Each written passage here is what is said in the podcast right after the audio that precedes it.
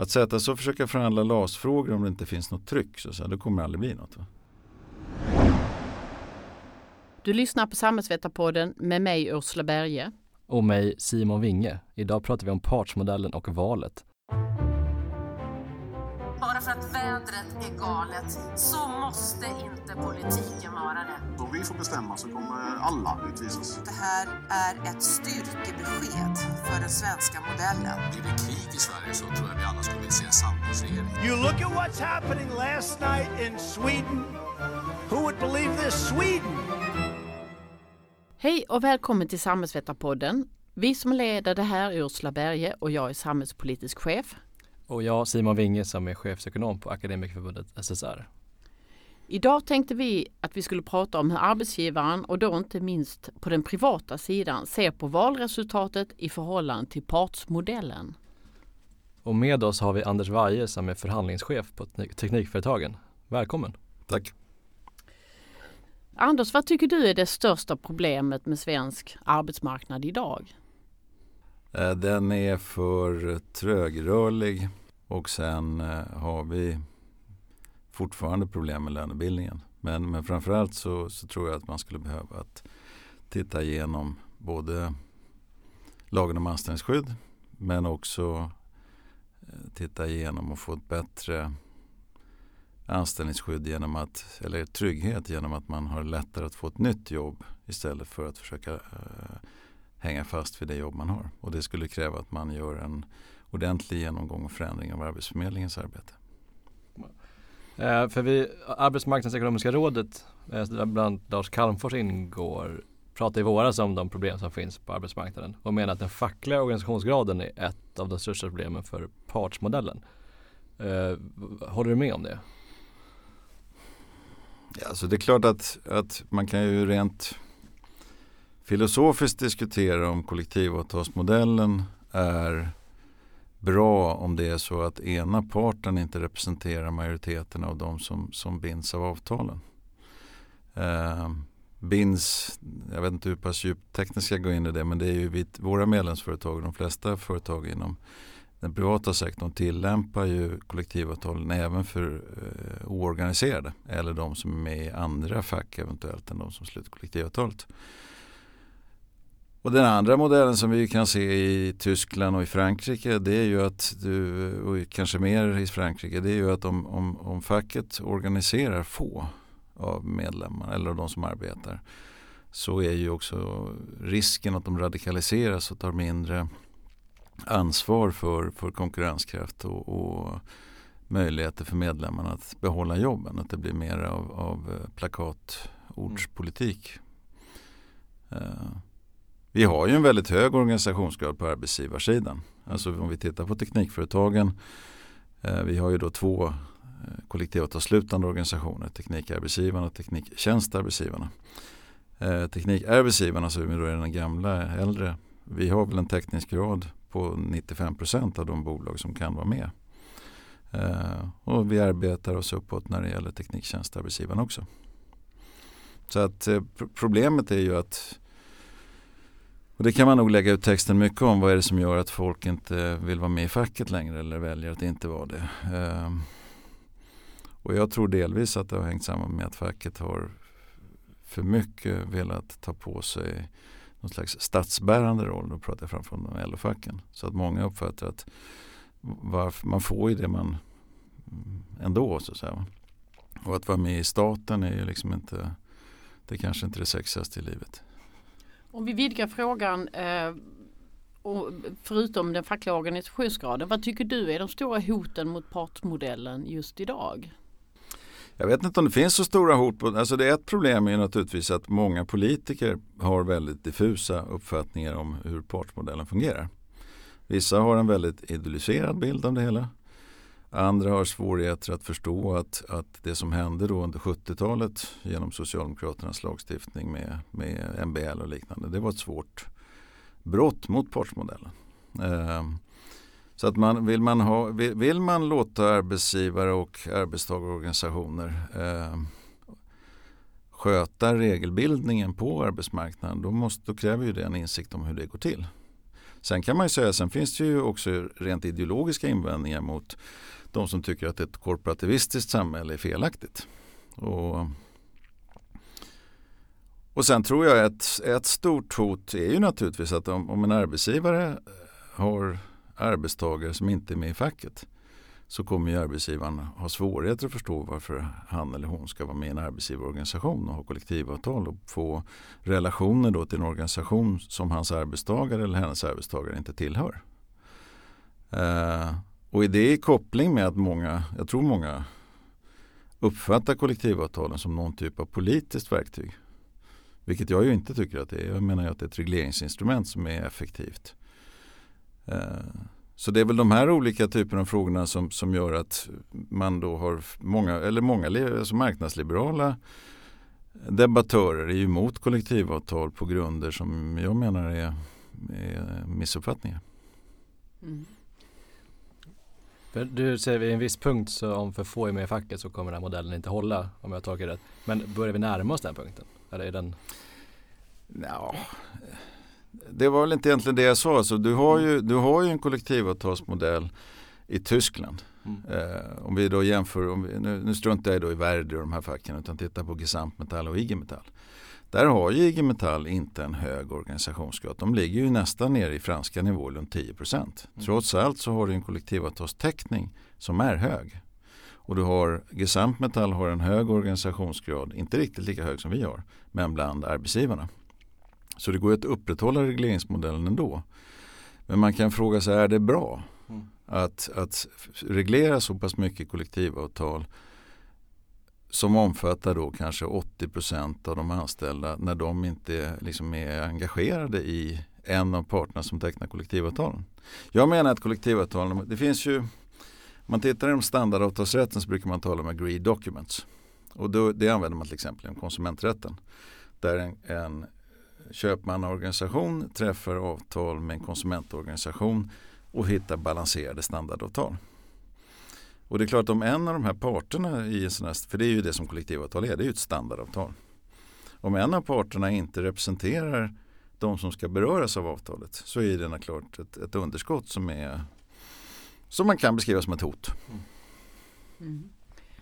Du nämnde politiker tidigare och att politiker kanske inte alltid förstår hur eh, partmodellen fungerar. Och vi har ju precis haft ett val och ett valresultat som, som eh, man kan tolka och en hel del vallöften och utspel som har gjorts som, som eh, har ganska stora eh, ingripande effekter på arbetsmarknaden. Vad är din syn på, på valresultatet kopplat till partsmodellen? Jag tycker det är svårt att ha, alltså jag, där måste man, jag vet inte riktigt vilka, vilka utspel ni menar men, men det är klart att under lång tid så var det ju så att de sår som revs upp under 70-talet eh, och då, det här har jag ju naturligtvis inte upplevt själv, jag är lite för ung för det men, men eh, men mina företrädare, mina, de som jag jobbade med när jag började för 20 år sedan. Det ledde ju till en väldig misstro mellan parterna. Och det ledde också till att parterna egentligen blev oförmögna att, att eh, träffa överenskommelser i stora frågor. Det där har väl i någon mån förbättrats under de senare åren. Vi har ju då, som vi på Teknikföretagen tog initiativ till, både träffat överenskommelser om det här med etableringsanställningar men vi har också kommit, träffat överenskommelser som också är ett initiativ från oss att hitta den här fredspliktsregleringen då, som den här arbetsgruppen arbetade fram och som nu samtliga huvudorganisationer står bakom. Men under lång tid så var det inte så att det blev, jag tror att många politiker uppfattar det som meningslöst att involvera parterna för vi bara, vi bara tjafsade egentligen.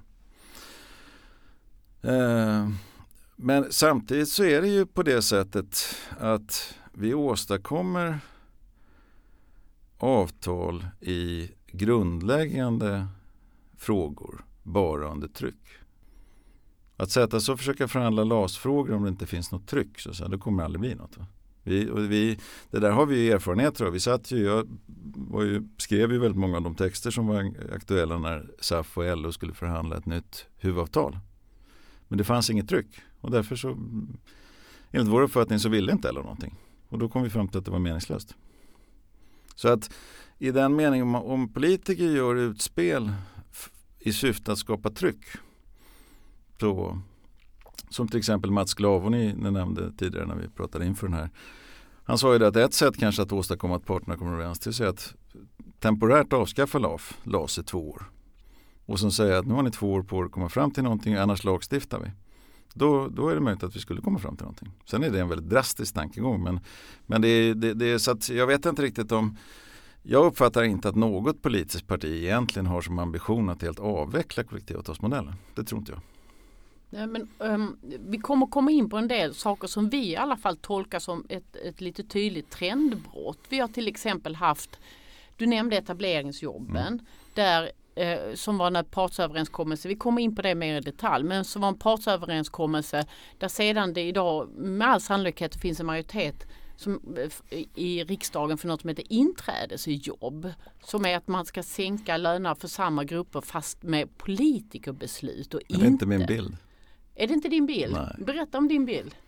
Jag är ganska övertygad, nu finns det ju andra problem med det, men, men jag är övertygad om att du har socialdemokrater och moderater som ganska tydligt står bakom etableringsanställningar.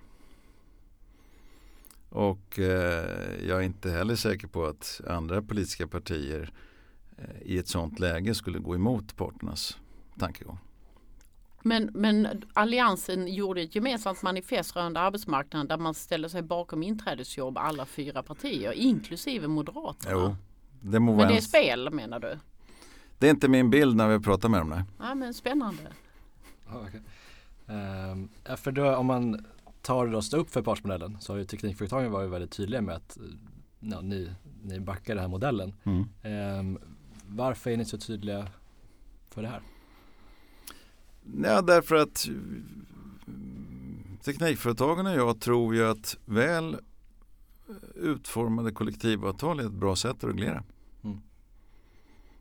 Vi tror också att en hel del av de eh, kollektivavtal som, har, som, som, som, bär, som är grundläggande, till exempel ITP-planen är ett bra sätt att lösa tjänstepensioner. Betydligt bättre än att göra det på företagsnivå eller att det är banker eller privat, privata försäkringar. Utan det, det här är ett, när det gäller så att säga, själva konstruktionen, effektiviteten för att få bra pensioner till de anställda, vilket arbetsgivarna typiskt sett vill, så är det här liksom state of the art. Och därför så, det är därför jag ständigt eh, försöker förmedla att det är ett regleringsinstrument. Det är inte liksom något socialistiskt experiment som vi håller på med när det är kollektivavtal. Utan vi reglerar och de kan naturligtvis vara dåliga och då är de dåliga. Alla avtal som är dåliga är dåliga. Liksom. Avtal som är bra, de är bra. Mm. Eh, du har nämnt det här med, med strejkrätten tidigare och, och under det här sammanhanget att, att eh, ibland behöver det sättas um, politiskt tryck i en fråga. Så tänkte jag, strejkrättsutredningen var ju lite intressant, eller hela strejkrättsfrågan. För allting började med att Ylva Johansson, eller det var frustrerade arbetsgivarsida i hamnen i, i Göteborg.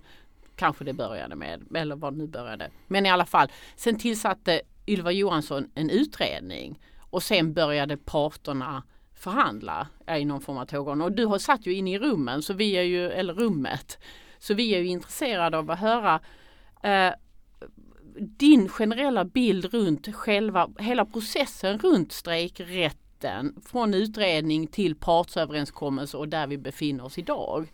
Men uh, Sverige är lite speciellt på det sättet att egentligen Sen kollektivavtalen då erkändes i början av 1900-talet successivt. Först var det högsta domstolen och sen fick du kollektivavtalslagen och i kollektivavtalslagen fick du också regleringen av, av stridsrätten. Men den löstes ju då med utgångspunkt för hur det såg ut i Sverige. På det sättet att du hade två Verkstadsföreningen var ju för sig, det är ju, Teknikarbetsgivarna är ju Verkstadsföreningen så det är gamla anor. Eh, och vi träffade det första fredspliktsavtalet som egentligen är vår, många inte förstår det, protokollsanteckning 1 som innebar att om man framtvingade lönesänkningar eller lönehöjningar genom tvingande åtgärder, och det var ju stridsåtgärder, då blev de inte giltiga. Och då blev det liksom meningslöst. Att. Sen skötte ju kan man säga eh, huvudorganisationerna SAF, LO och de starka förbunden var ju helt dominerande på arbetsmarknaden. Och det var liksom inte, därför kunde man lämna eh, stridsrätten relativt, eller egentligen helt oreglerad. Vi har ju då haft den mest som vittgående stridsrätten av alla länder.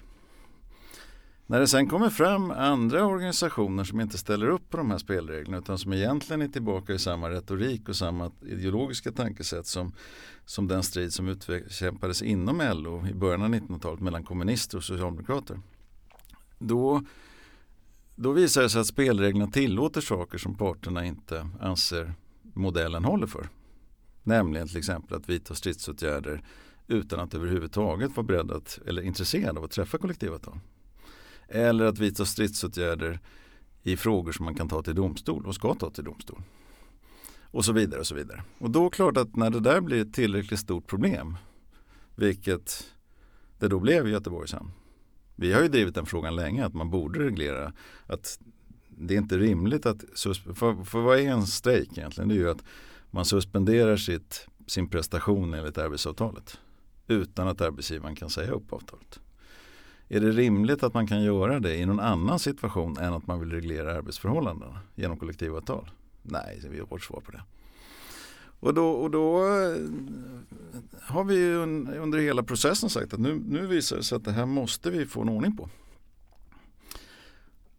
Och det ledde ju då till att, eh, och sen är det ju när vi har naturligtvis haft samtal med, med regeringskansliet och arbetsmarknadsdepartementet under hela resan så tillsattes en utredning Eh, vi, jag blev allt mer klar över att den här utredningen tyckte jag gick i fel riktning.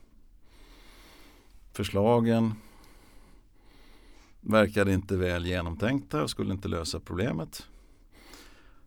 Och då tog jag ett initiativ till att sätta mig med, med eh, motparter och LO på både tjänstemannasidan och på, på arbetarsidan också, men även med LO. Då var, vi började med LO, vi hade ingen annan arbets, alltså huvudorganisation inne. Och drog upp ett antal principer, är vi överens om de här principerna? Och då var vi det. Bland annat då att stridsrätt ska bara användas för att träffa kollektivavtal. Mm, och så den här frågeställningen om politiska stridsåtgärder som är ganska och den är ju, handlar ju bara egentligen om internationella det handlar inte om att man har politiska stridsåtgärder till interna, alltså i Sverige politiska problem. Utan det handlar ju om den Chile-blockaden och den där frågan om eh, apartheid i Sydafrika och så vidare. Men det, det lämnar du utanför för det, det, det, det finns ingen anledning att röra det. Och är man överens om det då, då, då blev det också rimligt att sätta sig och diskutera. Hur, ska man, hur, hur tycker vi att det här ska lösas? Och då gjorde vi det. Hade ni kommit in i det rummet tillsammans utan att utredningen hade tillsatts? Sannolikt inte. Därför att då hade det kanske varit så att, att de inom på den fackliga sidan som, som har som en slags ryggmärgsreaktion att aldrig röra något kunnat så att säga förhindra att, att ledningen sa att jo men vi måste göra något. Därför att risken är att det blir sämre annars. det blev ett samförstånd i, i det där rummet. Ja. Eh, så hur var känslan? Var det Saltsjöbadsanda? Jag vet inte vad det är för någonting. Nej men alltså det är klart att det finns paralleller på det sättet att eh, när Saltsjöbadsdiskussionerna kom igång då var det ju frågan om att också reglera strejkrätten och då var det ju arbetsgivarna som inte ville ha den reglerad därför att vi satt på den tunga kanonen nämligen generallockouten. Och i och med det så kan, kan man då sätta sig och diskutera. Sen är ju många, vad är Saltsjöbadsavtalet? Ja, det är en förhandlingsordning egentligen med olika men, men ja, det är klart att det är på, man kan säga att eh, andan vet jag inte och sådana tjafsar med att man skulle åka till Saltsjön, det var ju aldrig aktuellt naturligtvis. Men, men, men eh, det är klart man har, vi har ett problem och då ska vi lösa det. På ett sätt som är rimligt. Och sen några, några veckor senare kom utredningen. Ja. Uh, ja, efter det att vi hade presenterat. De sköt ju på utredningen. Precis. jo, det var några spännande veckor där. Mm. Uh, men uh, hur kände du när Ylva Johansson sa att det självklart är eh, partslösningen som kommer att remitteras och inte utredningen? Kände ja, du att det var självklart. Utifrån, ja, men det är ganska vanligt att utredningar remitteras. Ja, men inte i sådana här situationer. men kände Nej, men det du, ju, det, det, kände det, du någon form av seger för partsmodellen där? Att den ja, ändå kunde stå upp? Vi visste att det skulle bli så. Naturligtvis. Ja, du vet mer än många av oss andra. Um, ja. Men det skulle ju vara högst egendomligt. Va? Om vi tänker oss, säg att man nu skulle tillsätta en stor utredning om lagen om anställningsskydd. Och sen sätter sig parterna och kommer ner och, och, och kommer överens om att så här bör det se ut. Och så här tycker vi att omställningsförsäkringen och Arbetsförmedlingen ska fungera. Och så om vi gör det då tillräckligt bra. Det måste ju vara av den kvaliteten att det går att använda. Det är ju nästa pilsner, liksom, att du måste ha texter som är tillräckligt bra. Rent tekniskt, lagtekniskt. Och då är det bra att vissa av oss har arbetat i, med lagstiftning. Då har jag väldigt svårt att tänka mig att man skulle sätta sig från politiska partierna och säga det skiter vi Vi gör något helt annat som vi tycker är bra. Det, då, då måste nog det gå många år och vi måste ha betydligt färre medlemmar på, på båda sidor innan man skulle göra så. Det vore ju så himla korkat. Va? Mm. Men vi hade eh, för någon månad sedan ehm, Martin Ådahl här som är chefsekonom för, för Centerpartiet och nu mm. sitter i arbetsmarknadsutskottet. Och jag frågade honom varför man inte trodde på etableringsjobben utan istället körde fram sitt eget inträdesjobbsidé. Och då sa han att vi har lite gett upp om att arbetsmarknadens parter kan lösa stora problem på arbetsmarknaden. Ja, så sa han. Jo, jo. Eh, men, men eh, det hade kunnat vara scenariot även vad det gäller strejkrätten. Att man inte tyckte att ert förslag var ja, skarpt jag vet nog. Inte, alltså, det där är väl, nu ska inte jag uttala mig om Martin Ådahl men han, jag kan tänka mig att han är en, en tänkare som, som har invändningar mot modellen. Alltså där det finns den här diskussioner om demokratiskt underskott och den här typen av resonemang. Uh, in, för det första så är det väl så att jag ju, har ju ibland uttrycker jag mig drastiskt och det tänkte jag inte göra idag. Men, men det här med deras inträdesjobb är ju för det första inte eh, en färdig modell. Sen är den feltänkt dessutom för den kommer bli för dyr för, att, för arbetsgivarna. Ehm. och när vi då, som jag sa, när jag då har pratat med, med eh, politiker och försökt få klart för vad det där är för någonting och hur de har tänkt det. Så innehåller den ju för det första väldigt lösa tankar och sen tankar som kommer, alltså bara den här tanken att säga att vi går in med en tvingande lagstiftning som innebär att man får inte betala mer än 75% av minimilönen. Du kan ju vända på det, säg att man gick in med en tvingande lagstiftning som tvingar arbetsgivaren att betala 125% av minimilönen. Alltså det där skulle ju totalt rasera. Och gör man den inte tvingande då blir det ett slag i luften. För då har du ju minimilönerna och då kan ju facken konstatera att de är bindande. Så att jag tror det som är viktigt när det gäller etableringsjobben det är ju att vi har hittat en nivå 8400 kronor. Där vi i kontakten med våra medlemsföretag kommer fram till att då är man beredd att pröva personer som inte kan egentligen visa upp några alltså bevis på att de eh, har den erfarenhet och kunskap som behövs för att lära upp dem. Sen måste man naturligtvis, och, man då, och det som är huvudsakliga invändningen som jag har hört är ju att det är för dyrt va, för staten. Parterna har kommit överens om någonting som vi tycker är vettigt och så vi skickar notan till staten. Men det är ju inte så som vi har skrivit utan vi har ju sagt att man behöver naturligtvis göra en översyn av bidragssystemen totalt. Vi har inte tänkt att det här ska läggas på alla andra bidrag. Är det dessutom så att det här kan, som vi tror, nu kommer det tyvärr kanske komma för sent när vi går in i en lågkonjunktur och världsekonomin går i eh, antingen i en mjuklandning, vilket sällan brukar vi, utan en kraschlandning då 2020 eller kanske ja, 2020 tror vi. Eh, men kan det då bli så istället att många nyanlända får två år på sig att lära sig och visa upp vad de kan och sen får, faktiskt får en fast anställning. Då är det ju ingen tvekan om att det här skulle innebära en kraftig plusaffär för staten och för hela samhället. Och alternativet att, att stor del av, vi har, de senaste tio åren, jag tror att vi har tagit emot ungefär en miljon nyanlända i Sverige. Många av dem har naturligtvis arbete. Men vi måste få den alltså absoluta majoriteten av de som har kommit i arbete. Av kostnadsskäl men också av rena sociala skäl. Vi kan inte ha stora grupper som inte liksom har, är etablerade i, på en arbetsmarknad och på det sättet blir en del av, av det svenska samhället. Så, så det, liksom, alternativen finns ju inte. Mm. Och då säger jag liksom, det, det är en väldigt egendomlig sak. Vi har ju introduktionsjobb som ligger på 75% av minimilön. De har inte tagit fart. Varför skulle då ett politiskt initiativ med inträdesjobb på samma nivå ta fart? Och det här menar jag, det här är väl ett kan vara ett sådant tecken där politikerna inte riktigt har insikt om hur arbetsmarknaden fungerar. Men hur tolkar du det här att politikerna nu faktiskt vill lagstifta om lönenivå? Det är ju ändå, alltså, inte har vi sett så mycket av det förut. Vi har ju förespråkat lagstadgad minimilön, dispositiv, för att eh, få en vettig implementering av utstationeringsdirektivet i Sverige. Därför att den här eh, tredje vägen som ju kom till, under, han var företrädare när vi kom till hovrätten så tog jag över Lars Dirkes roter. Han var till och med i de förhandlingarna. Det var ju ingen jävel som begrep vad det betydde. Och det visar sig också att det håller ju inte. Så EG-domstolen accepterar inte någon sån här konstig som inte, ingen vet vad det är. Och därför har vi inte kunnat implementera utstationeringsjobb eller utstationeringsdirektiv på ett vettigt sätt. Och då i det sammanhanget tycker vi att man borde ha en. Jag tror inte det skulle störa heller. Um, men att däremot gå in och tvingande lagstifta om kollektivavtalens lönenivåer. Det tror jag vore djupt olyckligt. Är det ens lagligt? Ja, det kan man det, alltså, det är ju ILO-konventionerna som du är ute för, ute, pratar om. Nej, det skulle sannolikt strida mot ILO-konventionerna. Sen vet inte jag om ILO är det organ som, som jag sätter främst när det gäller frågeställningar om hur vi bör reglera arbetsmarknaden. Uh, nu, nu säger du att det kanske kommer landa i etableringsjobb ändå. Men jag funderar på... Ja, det vet vi inte. Det nej, det vet inte. Men, men, vi får eh, se vad det blir för regering först. Men just den här typen av politiska förslag som inverkar på arbetsmarknaden. Så det är att de har blivit vanligare. Men jag tänker på liksom särskilda riktade pengar och så vidare. Har det blivit mer sånt?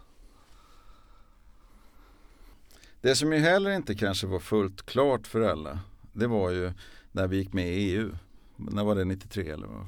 Eller jag, nej jag satt i regeringskansliet 91 var det.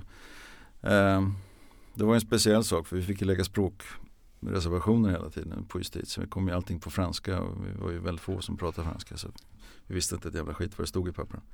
Ehm, den regleringsmodellen och att det är så pass enormt mycket lagstiftning både, då kommer ju sen kommer straffrätten till men också på arbetsmarknaden. Det var nog inte klart och det, där har vi ju ingen bra eh, implementeringsmodell annat än lagstiftning. Eftersom parterna vill inte ha en allmängiltig förklaringsmodell. Och det tror jag är klokt att vi undviker. Det är ingen bra modell. Och har man inte den då måste man lagstifta. Då innebär ju själva inträdet i EU, vilket jag är i och för sig för, och det är inte liksom konstigt med det. Men, men, men det innebär ju i sig att du får in mycket lagstiftning som, som då gör att liksom, utrymmet för, för ren självreglering med arbetsmarknadens parter minskar. Sen vet jag inte om man ska, och det är ju det som den stora alltså lagstiftningsfloran på arbetsrättens område är ju huvudsakligen, kommer ju från EU-rätten. Det är ju inte liksom svenska. Sen är det ju den här frågeställningen om olika typer av subventionerade anställningar. Den har ju en hel del att göra med det som jag var inne på först. Va? Att LAS skapar en insider-outsider problematik som gör att vi får en ungdomsarbetslöshet som, som är för hög i förhållande till hur det borde se ut. Och då får du olika idéer om hur du ska få in ungdomar på arbetsmarknaden. Och till det kommer då att vi har haft en väldigt så att säga, generös flyktingpolitik eller tagit emot väldigt mycket eh, nödlidande människor. Och, och, och det har naturligtvis skapat problem. Hur ska vi se till att de eh, grupper som då inte har en stark etablering på arbetsmarknaden kommer in. Och då blir det massor av idéer med subventionerade anställningar. Och i grunden vore det naturligtvis bättre om vi om det inte behövdes subventionerade anställningar utan du kunde göra det här på, men, men det, där har vi ju där har vi ju ett problem som har, har legat i det att, vi, att facken successivt har tryckt upp minimilönerna Delvis i syfte att skapa strukturförändring. Va? det är ju själva grundidén i den solidariska lönepolitiken. Men också eh, i något mer ideologiskt att den här typen av enkla tjänstejobb ska man inte göra. Det ska, vi ska inte ha arbetstagare som gör det utan det ska man göra själv. Och den där, vi har ju då också väldigt mycket färre tjänste, alltså såna enkla tjänstejobb än vad man till exempel har som snitt i OECD. Och då är ju frågan nu, fungerar det? Och mitt svar är på nej. Va? Du måste liksom kunna etablera dig på arbetsmarknaden.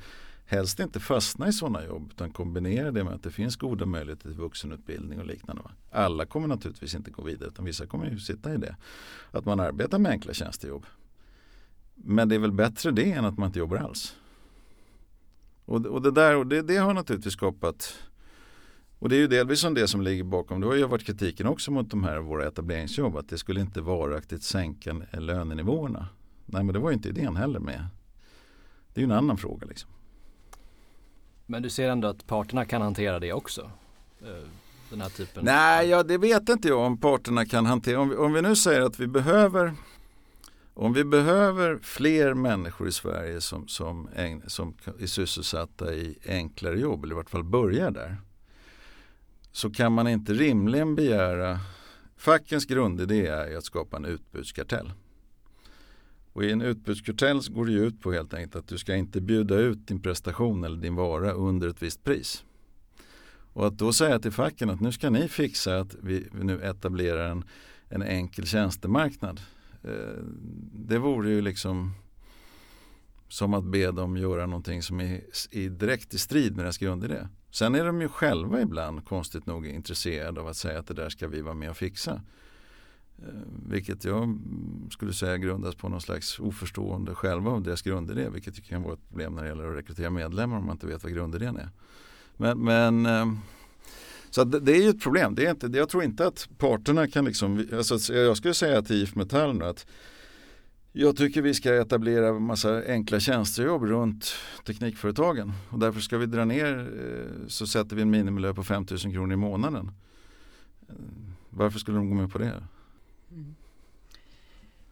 Du, du var inne på det tidigare här och har ju en stor internationell utblick. Eh, den svenska parsmodellen, eller den nordiska parsmodellen kan man ju säga, är ju ändå i internationell kontext ganska unik. Och, och vi har varit inne på Tyskland och IG Metall och, som har, har en organisationsgrad i, i, Tyskland som har fallit på ganska kort tid från 35% till 17 procent mm. nu. Och, och vi vet alla hur det är i Frankrike och andra kontinentala länder med med väldigt låg organisationsgrad och väldigt mycket strejker i jämförelse med Sverige och så vidare. Mm. Kan den nordiska partsmodellen segla i den här eh, havet av en massa förändringar av, av, ganska drastisk natur väldigt nära oss? Eller är vi på väg? Vart är vi på väg? Alltså jag tror att partsmodellen kan, kan eh, klara förändringar. Alltså det som är, om man tittar på den stora liksom skillnaden i mentalitet i samma, i vart fall inom industrin, så är ju det att vi har fack som bejakar och accepterar strukturomvandling. Ibland kan man tycka att de gör det liksom på längre än vad, vad de, ibland går ju det till, om du tittar ett företag som är verksamt både i Tyskland och i Sverige så kan det ju gå innebära att det är till nackdel för IF Metalls medlemmar i Sverige.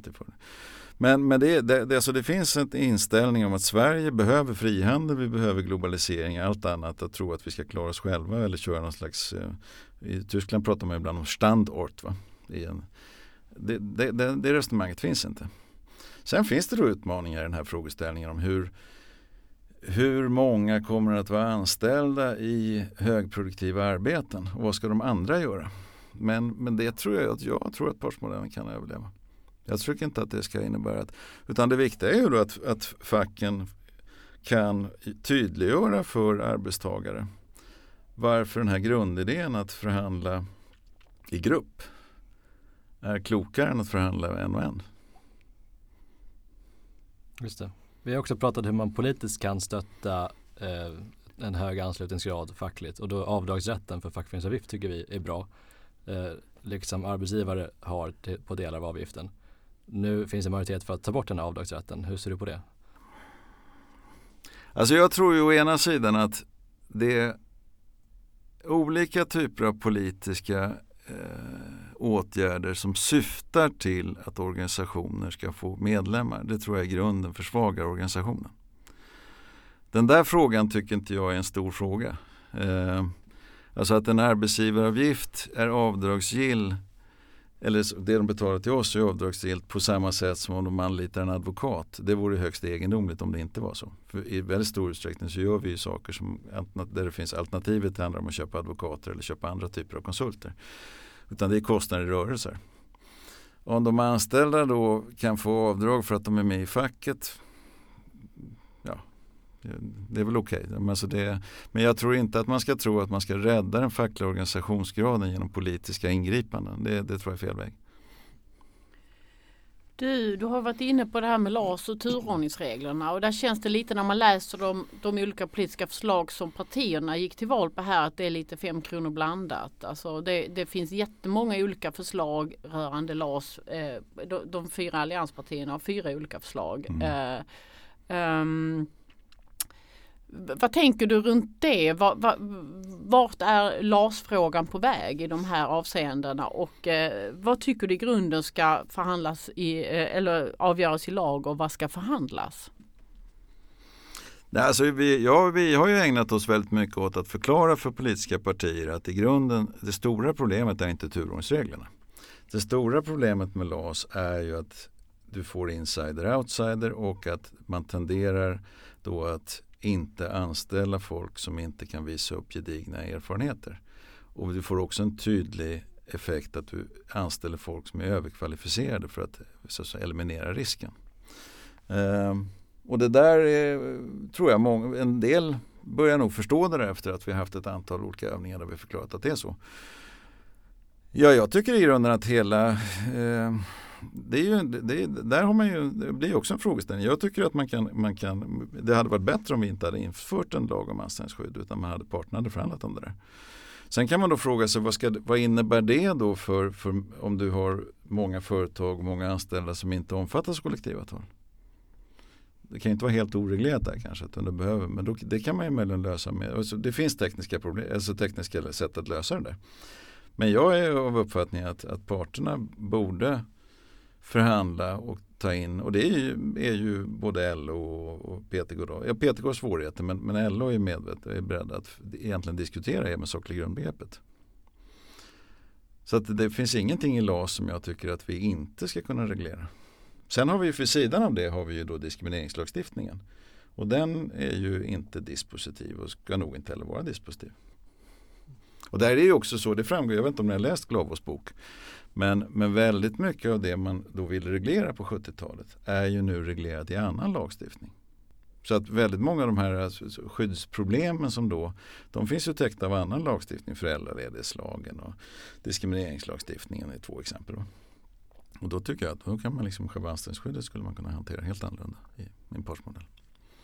Varför ska inte diskrimineringslagen vara dispositiv då? Jag tror inte att mänskliga rättigheter-frågor är sådana som man liksom part parter ska göra upp om utan de finns där. För man har pratat ibland om att göra med semidispositiv att man låter vissa delar vara det. Till exempel efter metoo har, det, har vi poddat om det till exempel. Ja, men som jag sa, min, min uppfattning är att när det gäller eh, egentligen både hälsa, säkerhet och mänskliga rättigheter så bör det vara tydligt fastställt i, i, genom lag och det ska man inte sen kunna, för att ska man förhandla om, man kan ju säga så här att om du har eh, en lagstiftning som ser ut, nu visar jag, framgår inte in på, men på en viss nivå. Och det enda man kan göra är att lägga på den nivån. Det ställer ju inte arbetsgivarsidan jag uppe på. Jag reglerar inte så. Då är jag helt ointresserad. I sådana fall ska man kunna gå i bägge riktningarna. Mm. Och är det bra när det gäller hälsa och säkerhet eller mänskliga rättigheter? Att jag kan tycka att vi, vi tycker inte den där gruppen är så viktig så vi sänker skyddet för den och så är vi lite mer har lite högre skyddsnivå när, för någon annan grupp. Jag tycker inte det, det, det tycker jag är fel. Vi har pratat om vårt gemensamma intresse delvis i att partsmodellen är stark och överlever. Eh, har vi ett gemensamt projekt som fack och arbetsgivare som du ser i det? Ja, inom industrin har vi väl, vi har ett, liksom det, det, stora projektet är ju vår, vårt samarbete inom ramen för industriavtalet. Mm. Jag vill få igång nu inom den ramen, alltså en, en, där vi har för opinionsbildning om hur ska man hur ska man så att säga, återta en skola som är kunskapsbaserad och som funkar både för tjejer och killar och som gör att man kan komma tillbaka till den sociala rörlighet, klassklättring som vi hade tidigare och som nu är mycket lägre.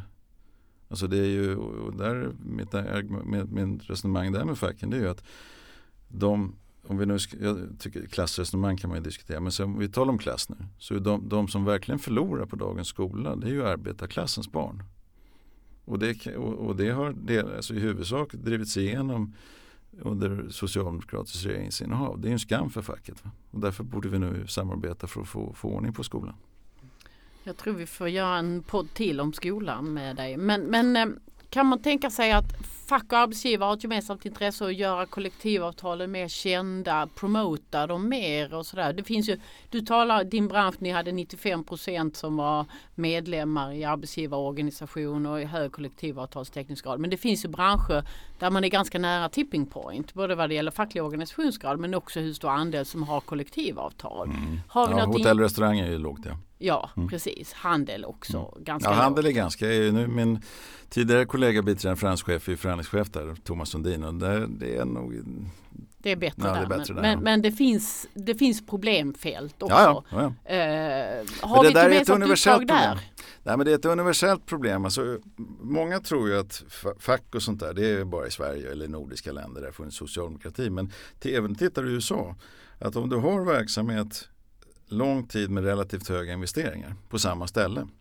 Då bildas det fack. Och därför är det inte så konstigt att vissa branscher är, eh, blir låga.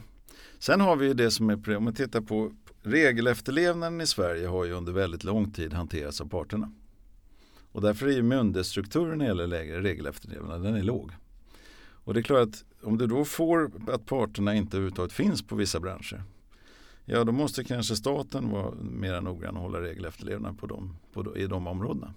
Och där det har vi fått en diskussion om med till exempel Arbetsmiljöverket. att de kanske skulle inrikta sig mer på de branscher där, där det, är så låg organisationsgrad än och så vidare. Men, men det är klart att det är så. Vissa branscher är, det är väldigt lågt.